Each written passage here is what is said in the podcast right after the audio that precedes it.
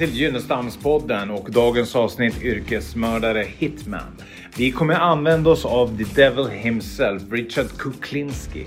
Richard Kuklinski var hitmanens hitman åt de organiserade brottsfamiljerna i New York. Och vi kommer djupdyka i det här med psykologiska drivkrafter, perspektiv och personlighetsstörningar. Så nu kör vi!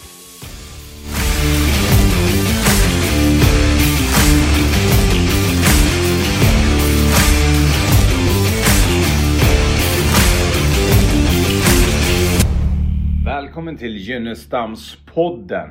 Äntligen ett rykande färskt nytt avsnitt. Och i de här avsnitten när jag har monologer skulle man väl kunna säga. Ja. Det kan man säga. Så kommer vi alltid att bena ut och förklara lite innan vi går in på hårdvaran. För att ni som lyssnar ska få med något annat bara än en spännande historia. Och formen när vi har de här avsnitten, det är att jag jag sitter och pratar, Jenna sitter här i studion bakom micken på, allting är redo. Och hon kommer ju flika in lite med saker så när hon anser och upplever kanske att ni som lyssnar inte riktigt hänger med. Mm. Lite som jag förklarar i organiserad brottslighet att jag representerar den dåliga sidan då, du är den bra. Som inte har varit involverad i kriminalitet. Till exempel, för att exemplifiera, nu lät det som jag var världens kriminellaste människa här igen men och så ska jag prata om yrkesmördare. Ja, men vi får väl köra på det. I alla fall. Nu har vi ju haft två avsnitt där vi har definierat och tagit upp dels seriemördare samt organiserad brottslighet. Alltså vad det är för något, eller alla förstår väl att en seriemördare mördar samt att organiserad brottslighet gör kriminella handlingar. Men vad som krävs för till exempel att en person ska bli benämnd som seriemördare. Vi hade ett avsnitt om Ted Bundy där vi gick in på definitionerna kring, kring skillnaden mellan massmördare och seriemördare. Vi definierade alltså seriemördare det avsnittet. Samt vilka effekter och påverkan den dåren fick på hela samhället och fortfarande har idag. Så har ni inte lyssnat på det avsnittet, gå in och gör det så får ni en uppfattning om den skillnaderna och höra på definitionen. Sedan hade vi väldigt nyligen ett avsnitt ute om organiserad brottslighet. Där vi använder uppkomsten, utvecklingen av den italienska maffian som en mall för den organiserade brottsligheten. Så har ni inte lyssnat på det, in och lyssna på det. I dagens avsnitt ska vi alltså prata om yrkesmördare och där kommer vi ha Richard Kuklinski som en mall. Och anledningen till att vi använder han och dels att vi haft avsnitten i den ordningen för, är ju för att Kuklinski, han korsar båda de här världarna.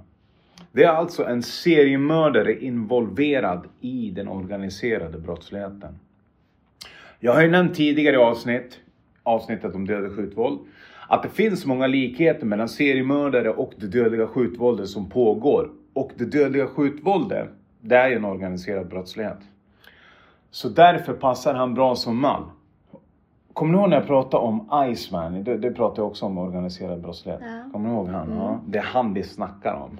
Det, den här Iceman i alla fall, det var en hitman. Och de flesta av de här fem familjerna, alltså en yrkesmördare. Och de här fem familjerna, det, det är de här crime families i New York då. Och yrkesmördare, det är precis som de låter. De, de, de mördar som yrke, alltså gentemot en betalning, gentemot en lön om man ska dra det så långt. Man skulle kunna dra det här lite längre och säga också att militärerna gör ju samma sak om man ska prata om lön. Alltså, de får ju en lön och inom ramen för deras arbetsuppgifter kan det förekomma att de är tvungna att skjuta och då mörda. Men en stor skillnad är det är inte hela bilden av vad militären gör såklart. Militärens största uppgift är att försvara sitt land. Men då, då menar jag med de här legoknektarna, Black Ops-uppdragen. De som verkar utanför en väpnad konflikt. Alltså, när människor, organisationer, whatever, använder militärer för att döda en eller flera personer. För att göra det här ännu tydligare så ska ju inte de här militärerna som utför morden, de agerar ju utanför ett krig som jag säger. Det är inte, inte i ett krig de gör det här. Alltså har det inte att göra med försvarsmakten som det de facto heter. Om det nu skulle vara så att militärerna utför morden då, då bryter de mot Genèvekonventionen. Hur man nu egentligen kan ha något som kallas för konvention, alltså regler för berättigad krig i slutändan. Det fattar jag inte. Försvar det kan jag förstå, men inte regler för krig. Tänk att det finns till och med regler för, för vilka vapen samt patroner och skott man får använda och inte. Och nu får jag ju ta mig själv som exempel igen här. Till exempel när jag åkte fast för vapenbrott med pistol och patroner som hade, så hade de de största argumenten för, för skotten. Och då hade jag sådana här så kallade hålspetspatroner. På gatan kallas de cop killers. Ja, det låter fruktansvärt.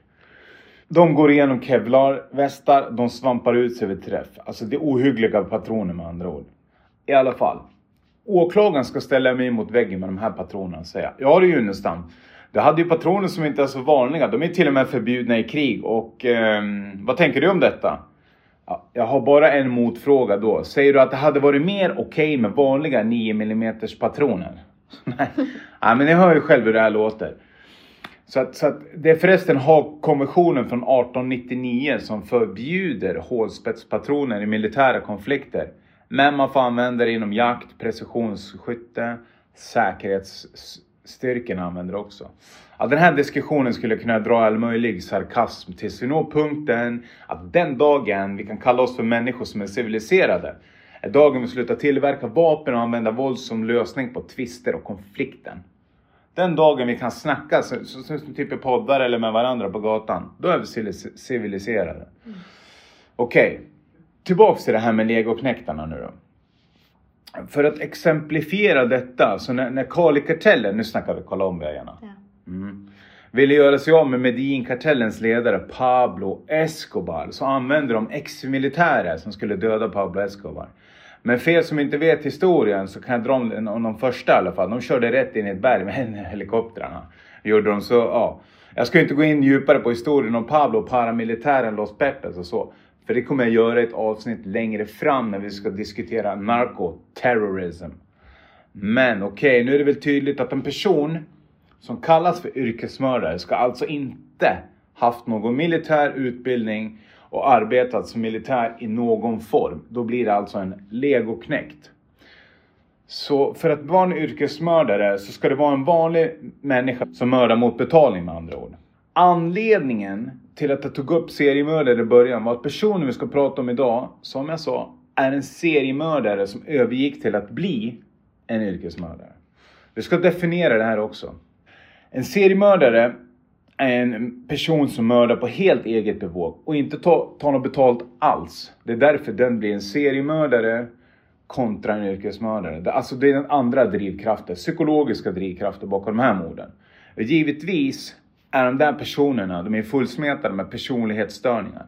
Och alla seriemördare gemensamt, säger jag i alla fall, har, har i grunden en psykopati. Så i min skalle så är den här övergången från att bli seriemördare till yrkesmördare ingen övergång egentligen. Det är bara att, som till exempel Icemans fall, så kommer du på att vänta, jag älskar att mörda, så varför inte ta betalt för det också? För det är ungefär samma sak egentligen. Alltså en yrkesmördare bör ju, bör ju utöver att ta betalt för mord ha en lust att mörda. Mm. Är du med? Ja. Alltså en psykologisk drivkraft. Jag tror inte att man som första mord börjar med att mörda för pengar. Utan det, det, det är de psykologiska drivkrafterna som, som initierar, som startar det här med att mörda. Det är vad jag tror i alla fall. Sedan om man tar det till dagens dödsskjutningar i Sverige och begreppet att du, öj, bror, du blir en hundragrubbe för enbart fyra år. Alltså konkret att man använder barn som endast kan få fyra år för, att, för ett mord. Så mördar de här barnen för att de just kan komma undan med mord billigare än de som beställer beställer mordet. Och då är det ju snarare den kriminella identiteten som är drivkraft bakom att utföra och begå mordet. Dels att strafftiden inte är så lång gentemot det val du gör. Men fortfarande, fortfarande kan ju inte vilken ungdom eller barn som helst mörda för den sakens skull. Jag, jag tänker så här, det ligger i, i, i naturen, alltså det psykologiska perspektivet. Om pengar enbart var drivkraften då är att mörda inte så lämpligt yrke. Om man tar det till den här nivån också kan man ju lugnt säga. Konsekvenserna kan man ju säga är rätt allvarliga. Du kan, om du kan gambla, om du kan gambla här va, mm. med ett livstidsstraff eller som i vissa delstater i USA eller andra ställen i världen gambla med ett dödsstraff som insats och du tänker, vänta, jag kan få livstid eller dödsstraff för det här. Men vänta, ah, nej men det här är taget. Då har man ju definitivt ett samvetslöst tänkande. Med andra ord en psykopati i all dess riktning.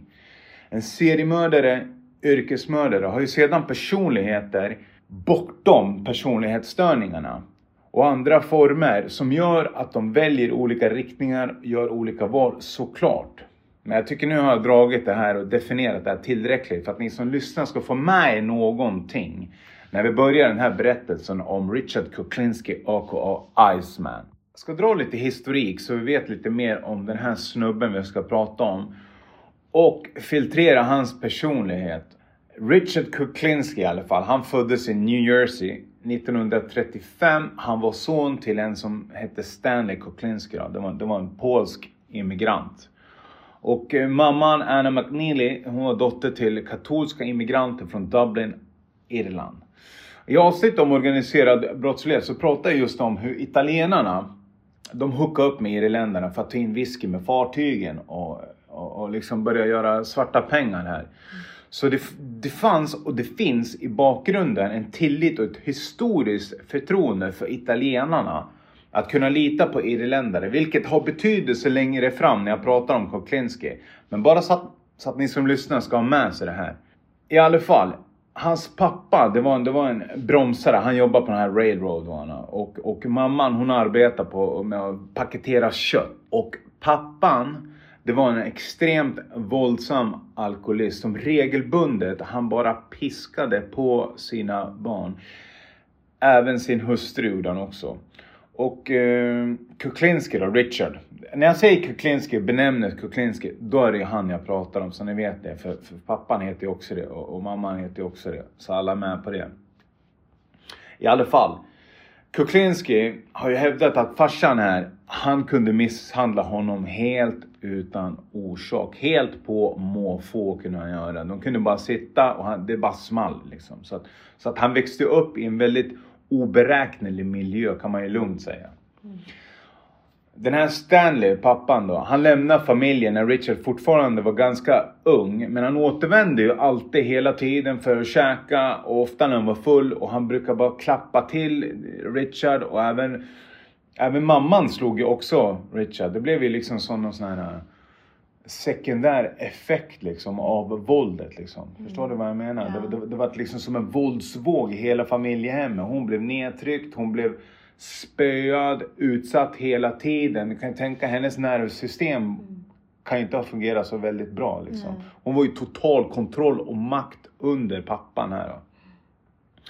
Men Kuklinski berättade om ett tillfälle när, när när han blev slagen med ett kvastskaft. Han tyckte att det var illa i alla fall. Det, det, det är de sakerna han har reagerat på. För det övriga våldet var så pass normaliserat för honom så det var okej. Okay. Mm. Så det som liksom stack ut, det våldet med kvastskaft till exempel. Då tyckte han att det var illa. Han har också berättat en gång i en intervju så tog hon en kniv. För hon var helt utom sig då också. Hon tänkte döda honom med en kökskniv. Mm. Och det här kommer också ha betydelse längre fram i historien när vi hör om Kuklinski med hans fru och vad han gjorde. Mm. Okej. Okay. Modern, hon var en katolik gjorde hon. Hon ansåg ju liksom att det här med sträng disciplin ska gå hand i hand med en, med en perfekt och klockren liksom, religiös uppfostran. Man får ju tänka på att det här var ju liksom han var född 35 så det här pågick vid 45 liksom, vid, vid mm. krigstiden. Liksom. Så, så det var ju stor skillnad på hur man liksom såg och filtrerade uppfostran för 80 år sedan kontra nu. Mm. Men jag tror fortfarande inte att det står någonstans inom katolismen att man ska klappa på ungen sin med ett kvastskaft eller en kökskniv. Nej. Nej. Okej. Okay. Och Richard Kuklinski, han blev ju uppfostrad som katolik så det, liksom, det var ju den, den, vägen hans mamma ville att han skulle ta någonstans. Liksom. Han var även korgosse ett tag men, men som vi alla förstår så tog ju han avstånd från katolismen. Det han var intresserad av istället, om vi drar hans våldsamhet i barn, barndomen av ett filter av psykopati så kan jag säga att en av kriterierna är ju grymhet mot djur. Avsaknad av ånger, skuld och ingen empati. Och i Kuklinskis fall så uppvisade han, man kan benämna det här som en särskild grymhet mot djur. I hans, i hans uppväxt då, då plågade han och dödade han katter. Ofta på väldigt liksom beräknande, utstuderade, sadistiska vis. Ja. Bland annat så kastade han in en levande katt, flera gånger gjorde han förresten det här, i förbränningsungar. Och han torterade herrlösa hundar liksom, så här, gatuhundar som strök omkring.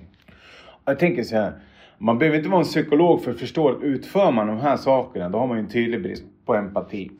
Och ingen ånger eller någon form av skuld.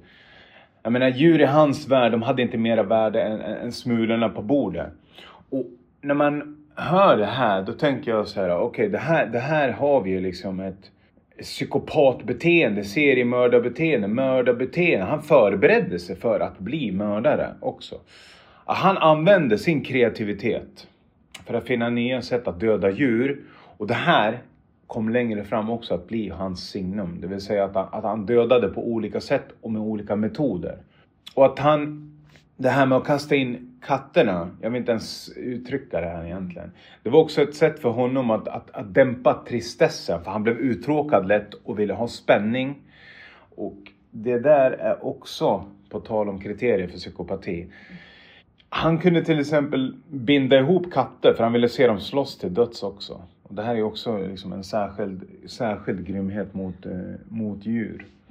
Man kan lugnt säga att beteendeproblem, det ingår ju också i det här. Alltså det, det är väl ingen snack om den saken. Impulsivitet som också är kriterierna. Så det här är ju sönderdefinierat om att han är psykopat. Så vi kan ju avklara det just nu också. Och längre fram ska jag gå in på liksom vilka personlighetsstörningar han hade. Jag pratade om det här att de är fullsmetade med personlighetsstörningar. Mm. Och sen hade de ju liksom olika, till exempel Ted Bundy, han var ju en supernarcissist var han. Liksom. Mm. Grandios personlighet, han var, han var lättkränkt, han var lite mer, han skulle han, han, var advokat i sina egna rättegångar. Han såg ju sig själv som liksom ett, ett fenomen, mm. ett mediafenomen. Det var så han såg sig själv. För att han tänkte inte på att okej, okay, du är med i varenda tidning och varenda reportage för att du är en äcklig seriemördare liksom. Det, det, var, det såg inte han i alla fall. Okej, tillbaks till uppväxten nu. Eh, Kuklinski, han hade, han hade tre syskon. Den äldsta brodern hette Florian och han dog vid 8 års, 8-9 års ålder, tror man. Och det här var Stanley, pappan då, som hade misshandlat ihjäl honom. Men familjen ljög för polisen och sa att han hade ramlat ner för trappan. Och Kuklinskis yngre syskon, han hade, han hade en, en, en som hette Roberta. Och henne vet man inte så mycket om egentligen. Och så hade han Josef. Och den här Josef Koklinski, han dömdes vid 26 års ålder för att våldtagit en eh, 12-årig flicka som hette Pamela Dial. Och mördat henne genom att kasta henne och hennes hund ner från en femvåningsbyggnad.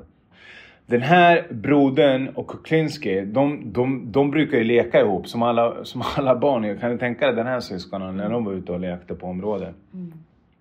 Och de, det var de här som torterade mycket djur eh, tillsammans och höll på och, och liksom äggade upp och trissade varandra liksom. Mm.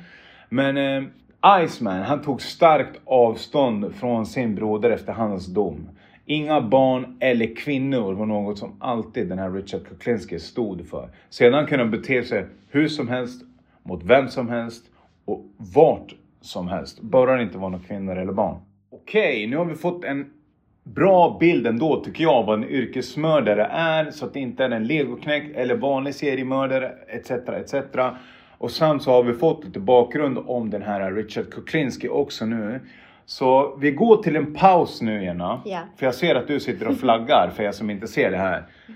Egentligen borde vi lägga ut när du sitter där bakom sådär. För jag har ju gjort det när du sitter och jobbar en gång. Men i alla fall. Vi går på en liten paus och sen så fortsätter vi det här.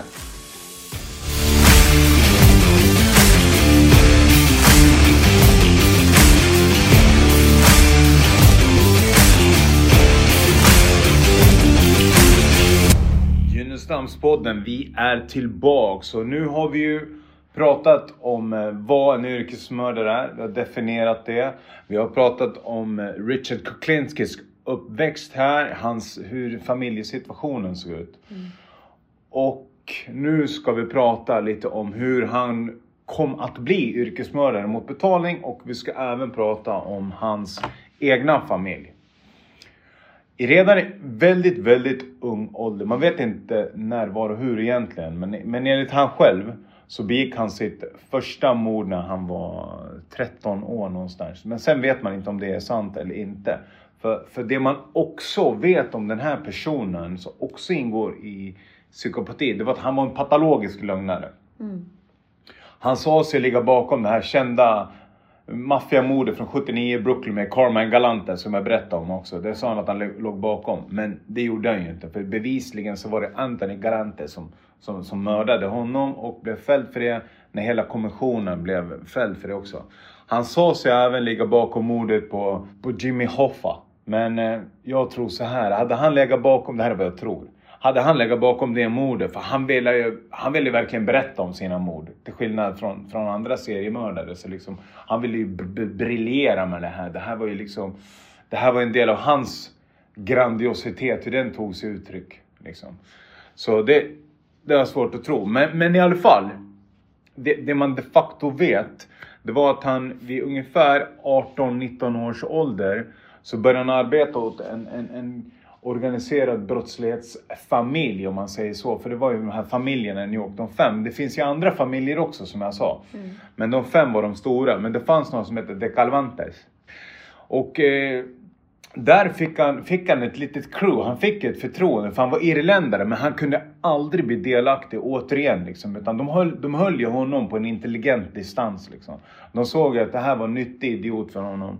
Och eh, på tal om det här med lastbilar och rutterna. Han var en av de personerna som de gjorde. Där är en rutt, råna den lastbilen, skär de där grejerna. Och de förstod ju att den här människan Kuklinski, det var ju en riktig dåre. Alltså han var ju galen liksom. Så att okej, okay, vi ger han liksom lite mer förtroende så får han ta hand om de andra dårarna liksom. Mm. Så han fick ju styra och ställa lite där över den familjen också. Och han, han fick ju upp någonstans ett rykte om de här, för de har, de har ju många ögon och öron överallt, de här fem familjerna då. Så den första familjen han började jobba åt, det var Genovese-familjen faktiskt.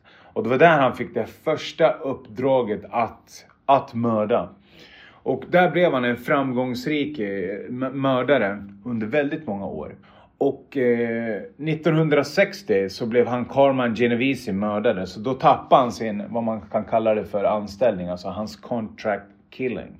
Och det var även då han träffade sin eh, fru Barbara i New Jersey. Och hans mördande skulle jag vilja säga upphörde inte för det. Utan det, det man vet om honom då, det var att han, alltså han liksom som använde att mörda som sport. Förstår du? Han var tvungen att få ur sig det här för det här är ju en seriemördare. Mm. Så det är det här jag pratar om, de här psykologiska drivkrafterna. Slutade han mörda för att han inte fick kontrakten? Nej, det gjorde han inte liksom. Han fortsatte att mörda ändå.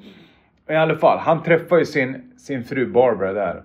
Och eh, hon hade ju inte en aning om vem hon träffade liksom. Och var, han kunde väl hålla den här personligheten, det här psyket i hyfsat schack gentemot henne under cirka ett år. Men det var en händelse och det var ungefär ett år efteråt. Hon, han, han ju väldigt mycket kontroll över henne. Liksom, vilka hon träffade, vilka hon pratade med, vilka, vart hon var. Etc, etc. Och, och Barbara förstod att kontrollen ble, den blev ju bara mer och mer effektiv, mer och mer hård, mer och mer åtstramningar. Liksom. Så hon hade ett samtal med honom att hon inte ville träffa honom mer. Och då sitter de i hans bil.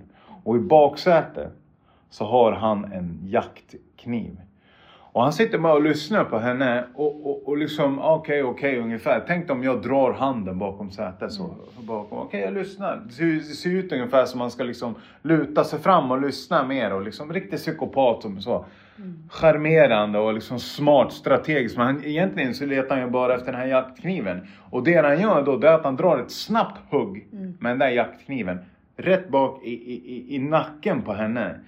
Och hon förstår inte ens att hon har blivit huggen. Sen att det stack till. Det, det, det, liksom, först när man blir huggen av en kniv, det gör inte ont först. Det är sen det gör ont liksom.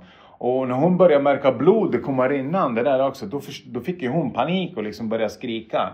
Och, och, och, när hon började skrika, då misshandlade han henne till unconsciousness, alltså, alltså tills hon svimmade av där liksom. Och det här är ju läget som man verkligen ska lämna om man minst sagt säger så och gå polisanmäla och allting. Men nu har vi att göra med Richard Kuklinski. Ja. Och det han gjorde här, det, i hans skalle så var det ett berättigande att du är min, det är hans ägodel det här liksom. Och, och han gick ju till hennes jobb, hon, hon var ändå och jobbade dagen efter. Han går till hennes jobb helt iskallt och han säger bara Du är min. Du ska gifta dig med mig. Vi ska ha en familj ihop. Mm. Eller så dödar jag Du kan gå och anmäla mig. Jag kommer döda dig. Du kan gå och anmäla mig. Jag, jag har människor som kommer att döda dig. Liksom. Så hon var ju liksom utsatt för ohygglig kontroll. Och någonstans där som kvinna, jag vet inte hur, hur det här är att vara kvinna och förlika sig med det här. Mm. Men du kommer ta det i några avsnitt längre ja. fram. Mm. Ja. I alla fall, så han fick ju två barn med Barbara här och det ska vi gå in på lite senare. Okej, okay, tillbaks till det här att mörda. Han började ju jobba, han var ju tvungen att ha jobb såklart. Och det här finns det en filmatisering på också, liksom hur han kommer i kontakt med Roy DeMeo.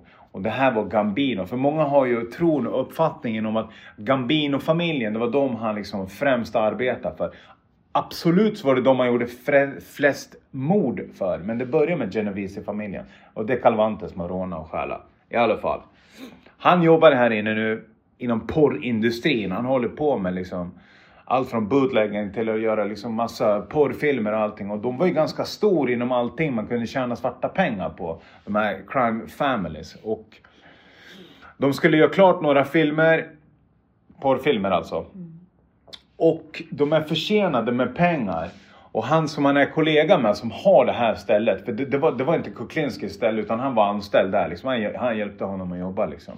Och han hade en jävla pliktetik, det vill säga att han fick han ett jobb, då utförde han det. Mm. Så han stannar ju kvar på, på det här lagret där de har, vad heter det, porrfilmen och allting. Och han ska ju klart, han fixar allt. På, på den tiden var ju såna här stora rullar som låter så. Mm. Ja, alla fattar vad jag menar, såvida ni inte är 20 år då. Men då får ni väl fråga farsan eller morsan va. I alla fall. Han står kvar och han gör upp de här rullarna och allting. Och hans kollega säger åt honom, lyssna nu, vi måste tagga härifrån. För snart kommer Roy DeMeo hit liksom. Och han var ökänd, du vet. Han hade the Gemini method, kallas det. Han mördade alltså. Han var the, the, the killing spring. Det var han som liksom någonstans gjorde Gambino-familjen till den största familjen. För de, de mördar på löpande band som ingen annan familj. Och det hade att göra med den här Roy DeMeo i alla fall. Så vad händer? Han säger att han är på väg dit. Och Richard Kuklinski han bara tittar på honom och nickar. För han är ju fearless. Mm. Han, har, han känner ingen rädsla, han är psykopat. Mm. Vadå känslor liksom? Jag ska ju klart jobbet står han och säger. Mm. Jag ska ju få betalt för det här. Så han står och snurrar upp där. Och han hade alltid en pistol på sig, Kuklinski. Så de kommer in de här i alla fall. De sparkar in dörren. Det är klassiskt så här filmvis. Bang! In med dörren. Det kliver in två, tre personer där inne. Och han är ju psykopaten här som kommer in också, Roy DeMeo. Så han bara tittar, okej, okay, nu är det så här. Vi ska stänga ner den här butiken för er. Det vet ni va? Och du vet att han är förtjänad med pengar. Vart är han? Ring han. Ta hit han. Få tag på honom. Han bara, jag vet inte var han är. Han bara gick. Och så står han och fortsätter liksom med de här grejerna. Och han säger åt honom, sluta, vad håller du på Är det något fel i huvudet på dig? Ungefär. Mm. Och han tittar på honom. Och när han ser honom, då säger han, okej, okay, du är en tuffing. Mm. Så han förstår ju det här, den här Roy DeMeo. Mm. Det, det, här är ju ungefär som Darth Vader pratar med The Emperor i Star Wars. Förstår du vad jag menar? Alltså det är två dårar som möts. Mm. Wom, wom. Tänk dig e- energin mellan dem. Mm. Så han drar upp en pistol, han går fram, trycker den i skallen på honom och tittar på honom. Och han ser ingen reaktion då heller. Mm. Han står bara och pratar helt lugnt om jobbet. Liksom. Det, det, finns ingen hemma på den där adressen. Så han drar ner pistolen och allting. Och någon av hans grabbar börjar slå honom. Han säger sluta slå honom och allting. Okej, okay, pengarna ska vara nere här. Och den här Roy DeMeo, han tänker, men vänta, vad är det här för människa jag har träffat där nere liksom? Mm. Och han ser ju liksom, det här var ju Murder Inc. Ja. Förstår du vad jag menar? Mm. De här, det, det, här var ju mördarna liksom. Mm. Så han, han tar ju liksom uppgifterna på den här, vad heter det, Kuklinski i alla fall. Och uh, han tänker, jag hookar upp med honom. Se vad det här är för snubbe. Mm. Och mycket riktigt så gör han det också. Det här finns också med i, i, i en film om, om, honom också. Han vill ju bara kolla liksom. Vad är det här för människa? Mm. Och nu snackar vi Richard Kuklinski. När inte han hade jobbat mörda, då typ sportmördade han. Han mm. mördade på måfå. Han, han, var, han var ju beroende av det. Mm. Så de säger åt honom att gå och liksom mörda vem som helst liksom. Här, där borta, här. Ta pistolen, gå dit, skjut han. Mm. Kom tillbaks till bilen här nu. Och han bara okej. Okay.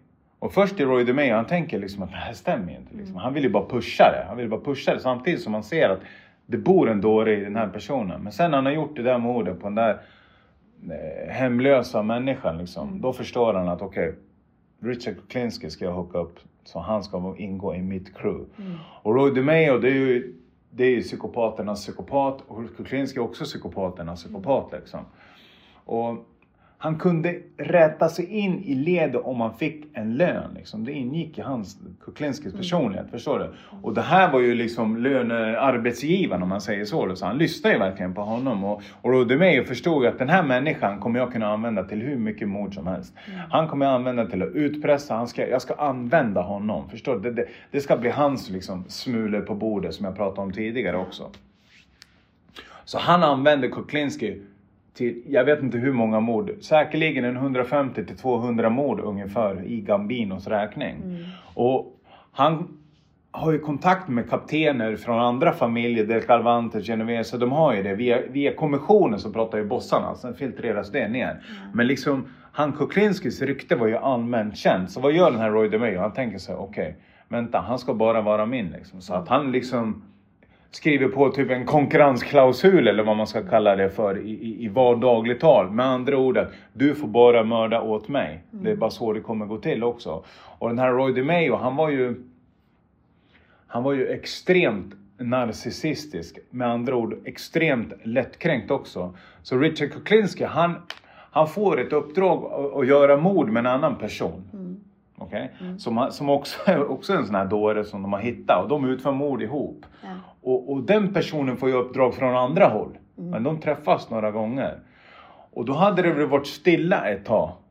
Alltså han hade inte fått någon liksom, hits att göra. Så han går och gör hits med den där människan. Mm. Alltså han går emot Roy DeMeo.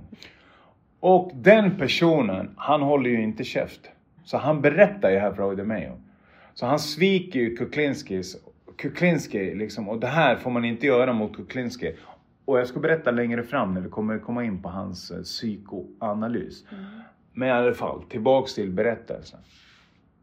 Han sviker Kuklinski. Han går till Roy DeMeo och han berättar som det är för den här personen, alla mördare var ju livrädda för Roy DeMeo, de var ju det. Plus att han var en bra benefiter, han, han gav ju jobben liksom. Han gav mycket pengar också. På den tiden extrema summor. Och vad gör den här Roy DeMeo? Han åker hem då till Kuklinskis hem. Han sitter utanför här. Han säger åt han, kom ut. Han skickar en av sina löpare. Han går in i, han går in i bilen. Han säger så här, har du gjort de här morden? Ja, Kuklinski säger ja jag sa åt dig att inte göra dem. Mm. De har väldigt liksom sådär, det här är en terrorbalans det här. Mm. Han tänker liksom att någonstans där, en psykopat fattar en annan psykopat tänker. Vad är det som gör att han just kommer hem, ställer sig utanför hans hem, hans barn är hemma. Mm. Han hade aldrig någonsin under vilka omständigheter som helst berättat var han bodde eller någonting. Och på den här tiden fanns ju inte internet som det finns nu. Liksom. Det var inte så lätt att ta reda på. Huset stod på Barbara. Så att han hade ju liksom gjort sina grejer för att liksom tillgodose som att okej, okay, det här är min familj, här ska jag liksom ha min normala sida så normalt det kan bli. Utifrån mm. hans perspektiv om normalt. Så Roy DeMeo sitter med honom i bilen och där drar han upp en puffra skallen mot honom igen och bara säger jag borde bara avrätta dig, skjuta säger han, jag bryr mig inte liksom. Mm. Han drar bort den och allting han säger så här, jag kommer gå hem, jag kommer döda dina barn. Jag kommer döda din familj. Jag kommer elda. Han sitter och bara försöker få igång Richard egentligen. Det, var, det här är vad jag tror. Ja. För att han ska göra den, för att han vill ju döda honom. Mm. Men han förstår att han gör inte. Han bara okej, okay, bara så du vet, du får aldrig mer mörda. Mm. Du får aldrig mer mörda mot betalning. Alltså det spelar ingen roll om du har med fem familjer nu eller någonting. Liksom. Han vill ju bara boxa in honom. Han vill ju bara kränka honom tillbaks för att han hade blivit kränkt. En narcissistisk logik liksom. Mm. Så vad händer? Richard Kuklinski, han kliver ut därifrån och någonstans så förstår ju han att det här, det här är ju liksom slutet. Jag måste ju, jag måste ju göra någonting åt det här liksom. Jag måste ta bort min familj, jag måste, jag måste, han, han får ju flykttankar liksom mm. på det här. Och hans sätt att fly, det är att han måste sätta familjen i säkerhet. Vad ska han göra sen då? Ja, I hans skalle så vill han ju mörda hela Gambino, Crime mm. Family i Sverige. Men han, han tar ju kontakt med den här som har, som har satt dit honom för det. Liksom. Mm. Och den personen, han, han, han förstår ju någonstans att det här är inte så jävla bra. Liksom. Han förstår ju vad man har att göra med. Så att de bestämmer träff, de är ute i en, i, i en park liksom. Där det är fullt av människor och allting. Och han sätter sig bara bredvid honom. Han har en pistol liksom, in, tänk innanför jackan. Om du har den liksom under armen riktad mot honom. Så bara sitter han och pratar med honom en stund. Så bara, han bara skjuter han rätt av iskallt där. Mm. Och låter han vara där. Så det där är ju en, en kort och lång historia egentligen om liksom hur det börjar och hur det slutar med hans, med hans mördande. Men upphörde han att mörda för pengar av det här sen? Nej, det gjorde han ju uppenbarligen inte. Och hur han torskade, det har att göra med att han, det var en undercover polis. Var det. Och han gjorde ju, fortsatte att göra en massa mord, men han fortsatte att göra många kontrakt liksom i, i, från andra städer. Han åkte till andra städer och han sa ju till sin familj att han jobbade som allt, allt ifrån distributör av olika varor och tjänster etc. Så han var tvungen att resa. Det var därför han var borta liksom. Så det var ju förklaringen de fick.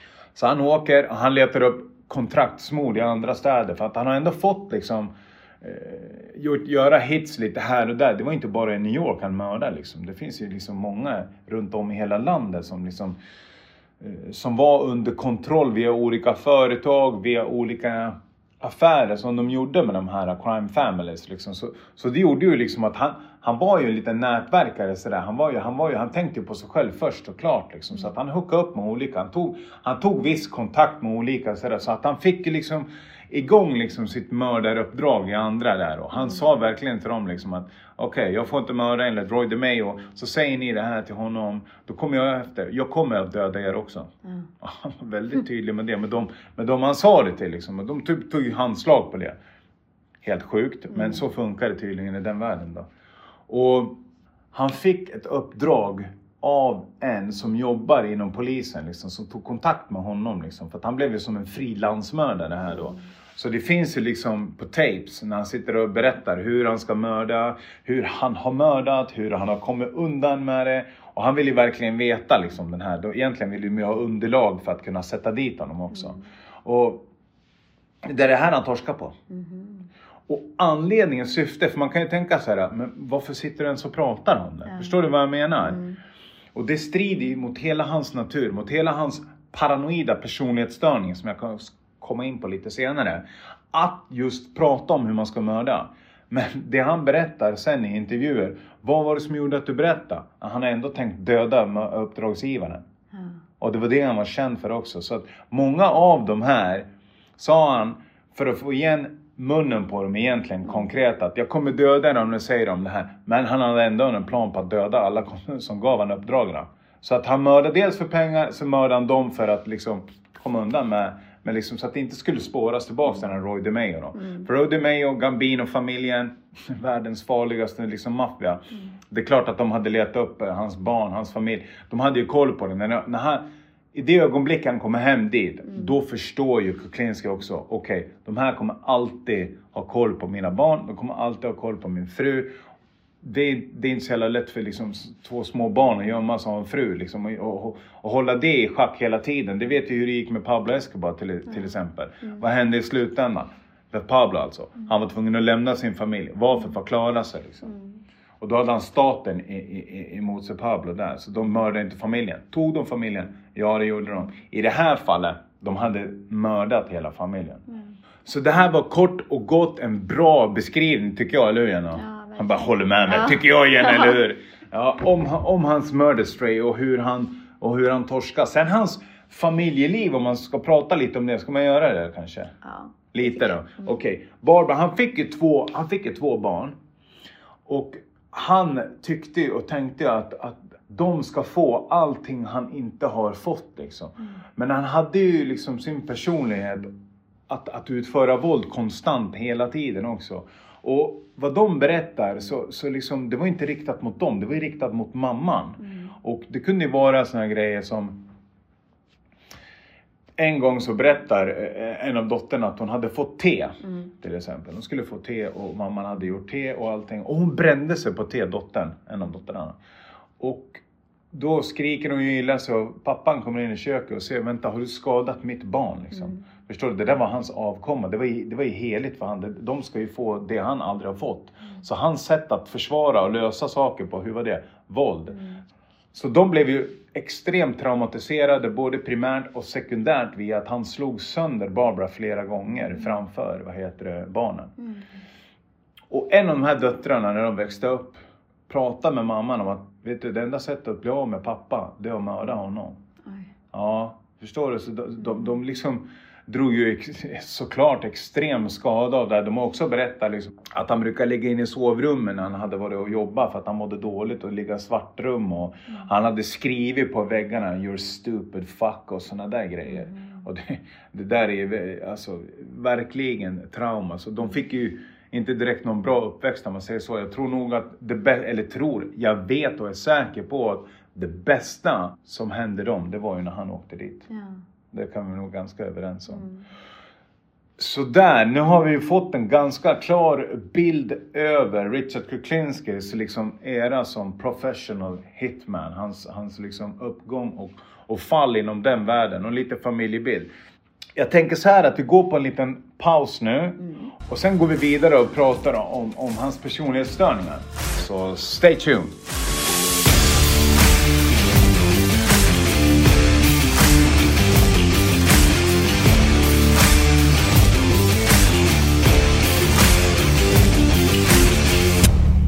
Gynnestamspodden är tillbaks.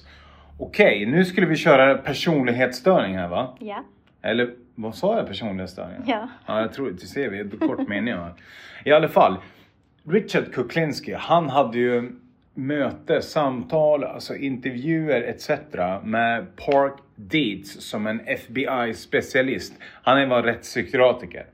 Och han Park Deeds, han var ju liksom närvarande vid ett antal rättegångar, bland annat mot andra seriemördare som Joel Rifkin, Jeffrey Dahmer. Han var även mot han Unabomber. Han var mot Kuklinski också. Och Kuklinski har samtal med honom, alltså jag vet inte hur många timmar det här var. Där Kuklinski går in och berättar allt sjukt han har gjort. Och utöver det så berättar han om sin egna barndom, hur han blev straffad, spöad, slagen. Han berättar om allt han gjorde. Han är, han är väldigt öppen, alltså. Han är väldigt öppen om, hur, om liksom, hur sjuk han var och hur sjukt allting var runt omkring också. Och när, när han har suttit och intervjuat honom, alltså när Park Dietz har suttit och intervjuat honom. Så säger han, har du någon fråga? Jag har faktiskt en fråga. Varför är jag som jag är? Säger han. Och det där kan ju ingen kan ju svara på varför han är som han är. Men det han svarar är att han har två personlighetsstörningar. Den första är antisocial personlighetsstörning och sen är det paranoid personlighetsstörning. Och den här antisociala personlighetsstörningen, den har vi varit inne på ganska mycket. Det, det handlar ju kort och gott om en, en person som inte har ett samvete. Och det här säger han, nu citerar jag. Som inte har samvete, ånger eller skuld över dåliga saker. Och det gör dem impulsiv och våldsam. Och man vet att det finns en genetisk avvikelse i den störningen som gör att människor som lider av detta inte kan känna eller uppleva rädsla. Så säger han då. Men sen är det ju så här också. Om man vet det så det betyder ju inte att alla människor blir, blir seriemördare bara för att de inte känner rädsla. De som inte känner rädsla det, det är människor som klättrar i berg. Attackpiloter. Jag tänker många som är proffs i MMA går liksom farliga. Du, måste, du kan inte heller känna rädsla. Du går ju faktiskt de facto in och riskerar hälsa, lem och allting. Liksom. Du, du kan ju, och det har ju hänt att man kan dö i ring. Eh, boxare, you name it. Eh, det gör ju inte att man blir seriemördare med andra ord. Och där kommer ju- det där, det där är den genetiska. Alltså, Sen när man går på, och ska gå på den här sociala, alltså miljö. Så är det liksom, om vi säger att som han Richard Kuklinski. Han växte upp eh, totalt avsaknad av kärlek, värme, förståelse, liksom någon form av liksom guidance, vägledning liksom i livet. Vad han ska göra med sitt liv eller liksom. Det fanns ingen moral eller etik. Eh, liksom, jag kan ju tänka mig så här, å ena sidan så tänkte mamman där att, att en katolsk uppfostran, sträng disciplinerad, är, är jättebra. Liksom. Och när han börjar kunna läsa allting och han läser om att nej, man får inte slåss. Liksom. Du ska, alltså jag menar, det alla, alla som kan läsa och, och, och kan läsa Bibeln, Koranen eller vad det nu än är och läser vad som står i den, det är helt motsatt. Vad han har blivit liksom uppfostrad till osökt så kommer det in på nästa personlighetsstörning. För att då kan man inte ha tillit. Nej. Eller hur? Nej. Om någon säger det är fel att slå så säger de när de slår en bibel i huvudet på en ungefär. Förstår du? Det Ja. jättesjukt i det sjuka. Och den här paranoida personlighetsstörningen. Den gör att man inte litar på någon. Ingen får komma nära. Man förlåter aldrig någon som gör illa. Och man måste ha sin hämnd och man är villig att gå hur långt som helst för att kunna hämnas. Och enligt han Park Dietz så var de här personlighetsstörningarna i kombination med varandra. De var avgörande för att han i den världen skulle kunna bli en framgångsrik mördare. Det första att han, han kände ingen skuld, ånger eller någonting, vilket gjorde att han kunde de facto utföra dem. Nummer två, den här paranoida personlighetsstörningen, det gjorde att han- han briljerar ju aldrig om det. Han pratar inte med någon om det här. Och sen som jag berättade också i förra delen så, de han tog som uppdrag sen, utifrån sin historik med Roy DeMeo, liksom, där han förstod att okej, de här som beställer mordet, stämpling till mord heter det förresten, de kan ju också bli min domedag. Så han tänkte okej, jag ska hooka upp med enskilda kontraktsmördare, så mördar jag dem. Det, det ligger ju också i den personlighetsstörningen, att ha, att ha själva det utförandet. Det man kan säga mer om, om han och hans de här personlighetsstörningar, att inte lita på någon, att inte säga någonting. Alltså det, det står ju i direkt kontrast till att man har så mycket information om honom nu. Att han har sitt, suttit och liksom berättat, erkänt, gått in i detalj på allting och berättat. Men då, då är det ju över. Förstår du? Han vet ju, han har ju liksom, jag vet inte hur många livstidsdomar han, han fick. Men, men, men han dog i fängelse i alla fall. Så att där och då valde han att, att, att prata om det. Gjorde han. Det man kan säga, han satt på samma fängelse, lyssna nu, som hans broder gjorde. Gjorde han. Och under den där tiden i fängelsen, och den frågade han också liksom att, ja men nu när du ändå erkänt allt, de, sitter, de är ändå liksom sitter i samma båt. Förstår du liksom vad jag menar? Men det spelar ingen roll, han höll ändå fast vid det här att liksom, nej, det där är inte min bror. Så någonstans där hade han ju någon, i, i det här sjuka så hade han, nej det han har gjort, det är fel. Men det han har gjort är någonstans rätt. Och jag kan säga några av de här felen som den här människan gjorde, på tal om personlighetsstörningar, som, som förklarar verkligen hur sjuk den här människan var. Det var att han fick ett, ett beställningsuppdrag, det här var 1972 tror jag att det var. Och eh, då fick han ett mord och han skulle få 10 000 dollar. Och han, skulle få, han fick, skulle få 10 000 dollar till om offret verkligen fick lida. Så det han gjorde, han letade upp den här stakan, slog han i skallen, slängde ner han i bagageluckan, tog han till en grotta.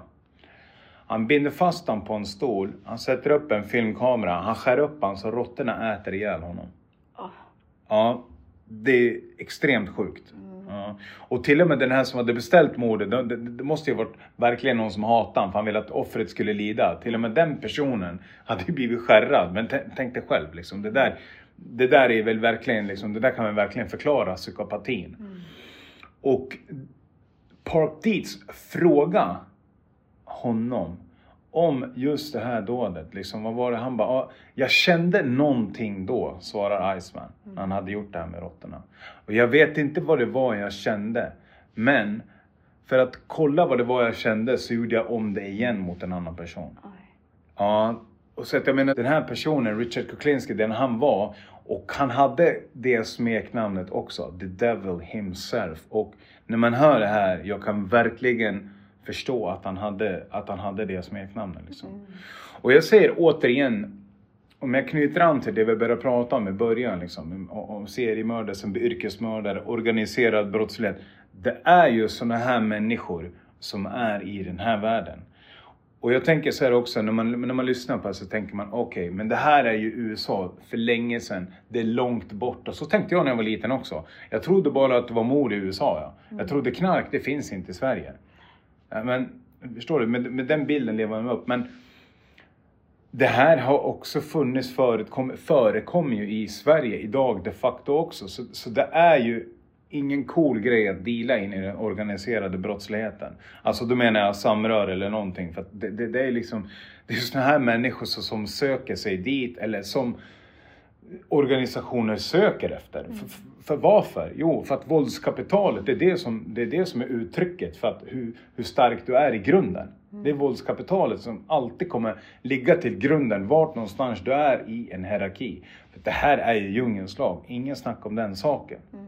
Så jag tänker ändå någonstans att nu, nu har vi fått en, en hyfsat klar, klar bild över den här personen liksom från olika perspektiv och så. så jag är väldigt inne på det här med uppfostran och det som jag sa eh, från början liksom att det här med psykologiska drivkrafter, att det bör ju ligga inuti en människa. Det tror jag väldigt mycket på. Jag tänker på det han Park Deed säger här att hans barn, Icemans barn till exempel, de, de växte upp säkerligen med den här genetiska avvikelsen. Det är precis som det låter, genen, det går ju vidare, det överförs ju liksom. Mm. Precis som alkoholismen.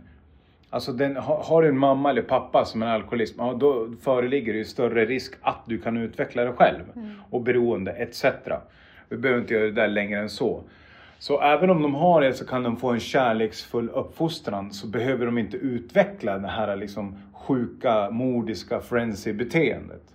Det kommer mig osökt att tänka på att nästa vecka mm. så kommer vi ha en extremt spännande intervju. Och vi kommer döpa det här avsnittet till skräckscenario. Och med det sagt, där kommer vi få lyssna på en människa som är född under de sämsta tänkbara möjliga förutsättningarna. För jag fastnar väldigt mycket, jag blir väldigt intresserad av men vad är det som gör att vissa människor blir som de blir liksom? Mm. Förstår du? Hur mycket är genetik? Hur mycket är miljö och så? Mm. Etc. Och nästa vecka så kommer det bli väldigt talande liksom. För att där har vi en person som har haft den sämsta tänkbara miljön i upp, uppväxten liksom. Och han lyckas ändå bli en otroligt vacker och fin kärleksfull människa. Så det kommer bli jätteintressant det här. Mm, verkligen. Men nu ska vi avrunda det, här avsnittet och jag tackar alla er som har lyssnat. Jag tackar alla er som kommenterar. Jag tackar alla er som delar och prenumererar. Det betyder jättemycket för oss och jag hoppas verkligen att ni har uppskattat det här avsnittet. Kom gärna med kommentarer, funderingar, åsikter eller förslag på nya teman eller personer. Och återigen, tack så mycket alla ni ute. Ha det gött. Vi hörs! Hej då! Bye.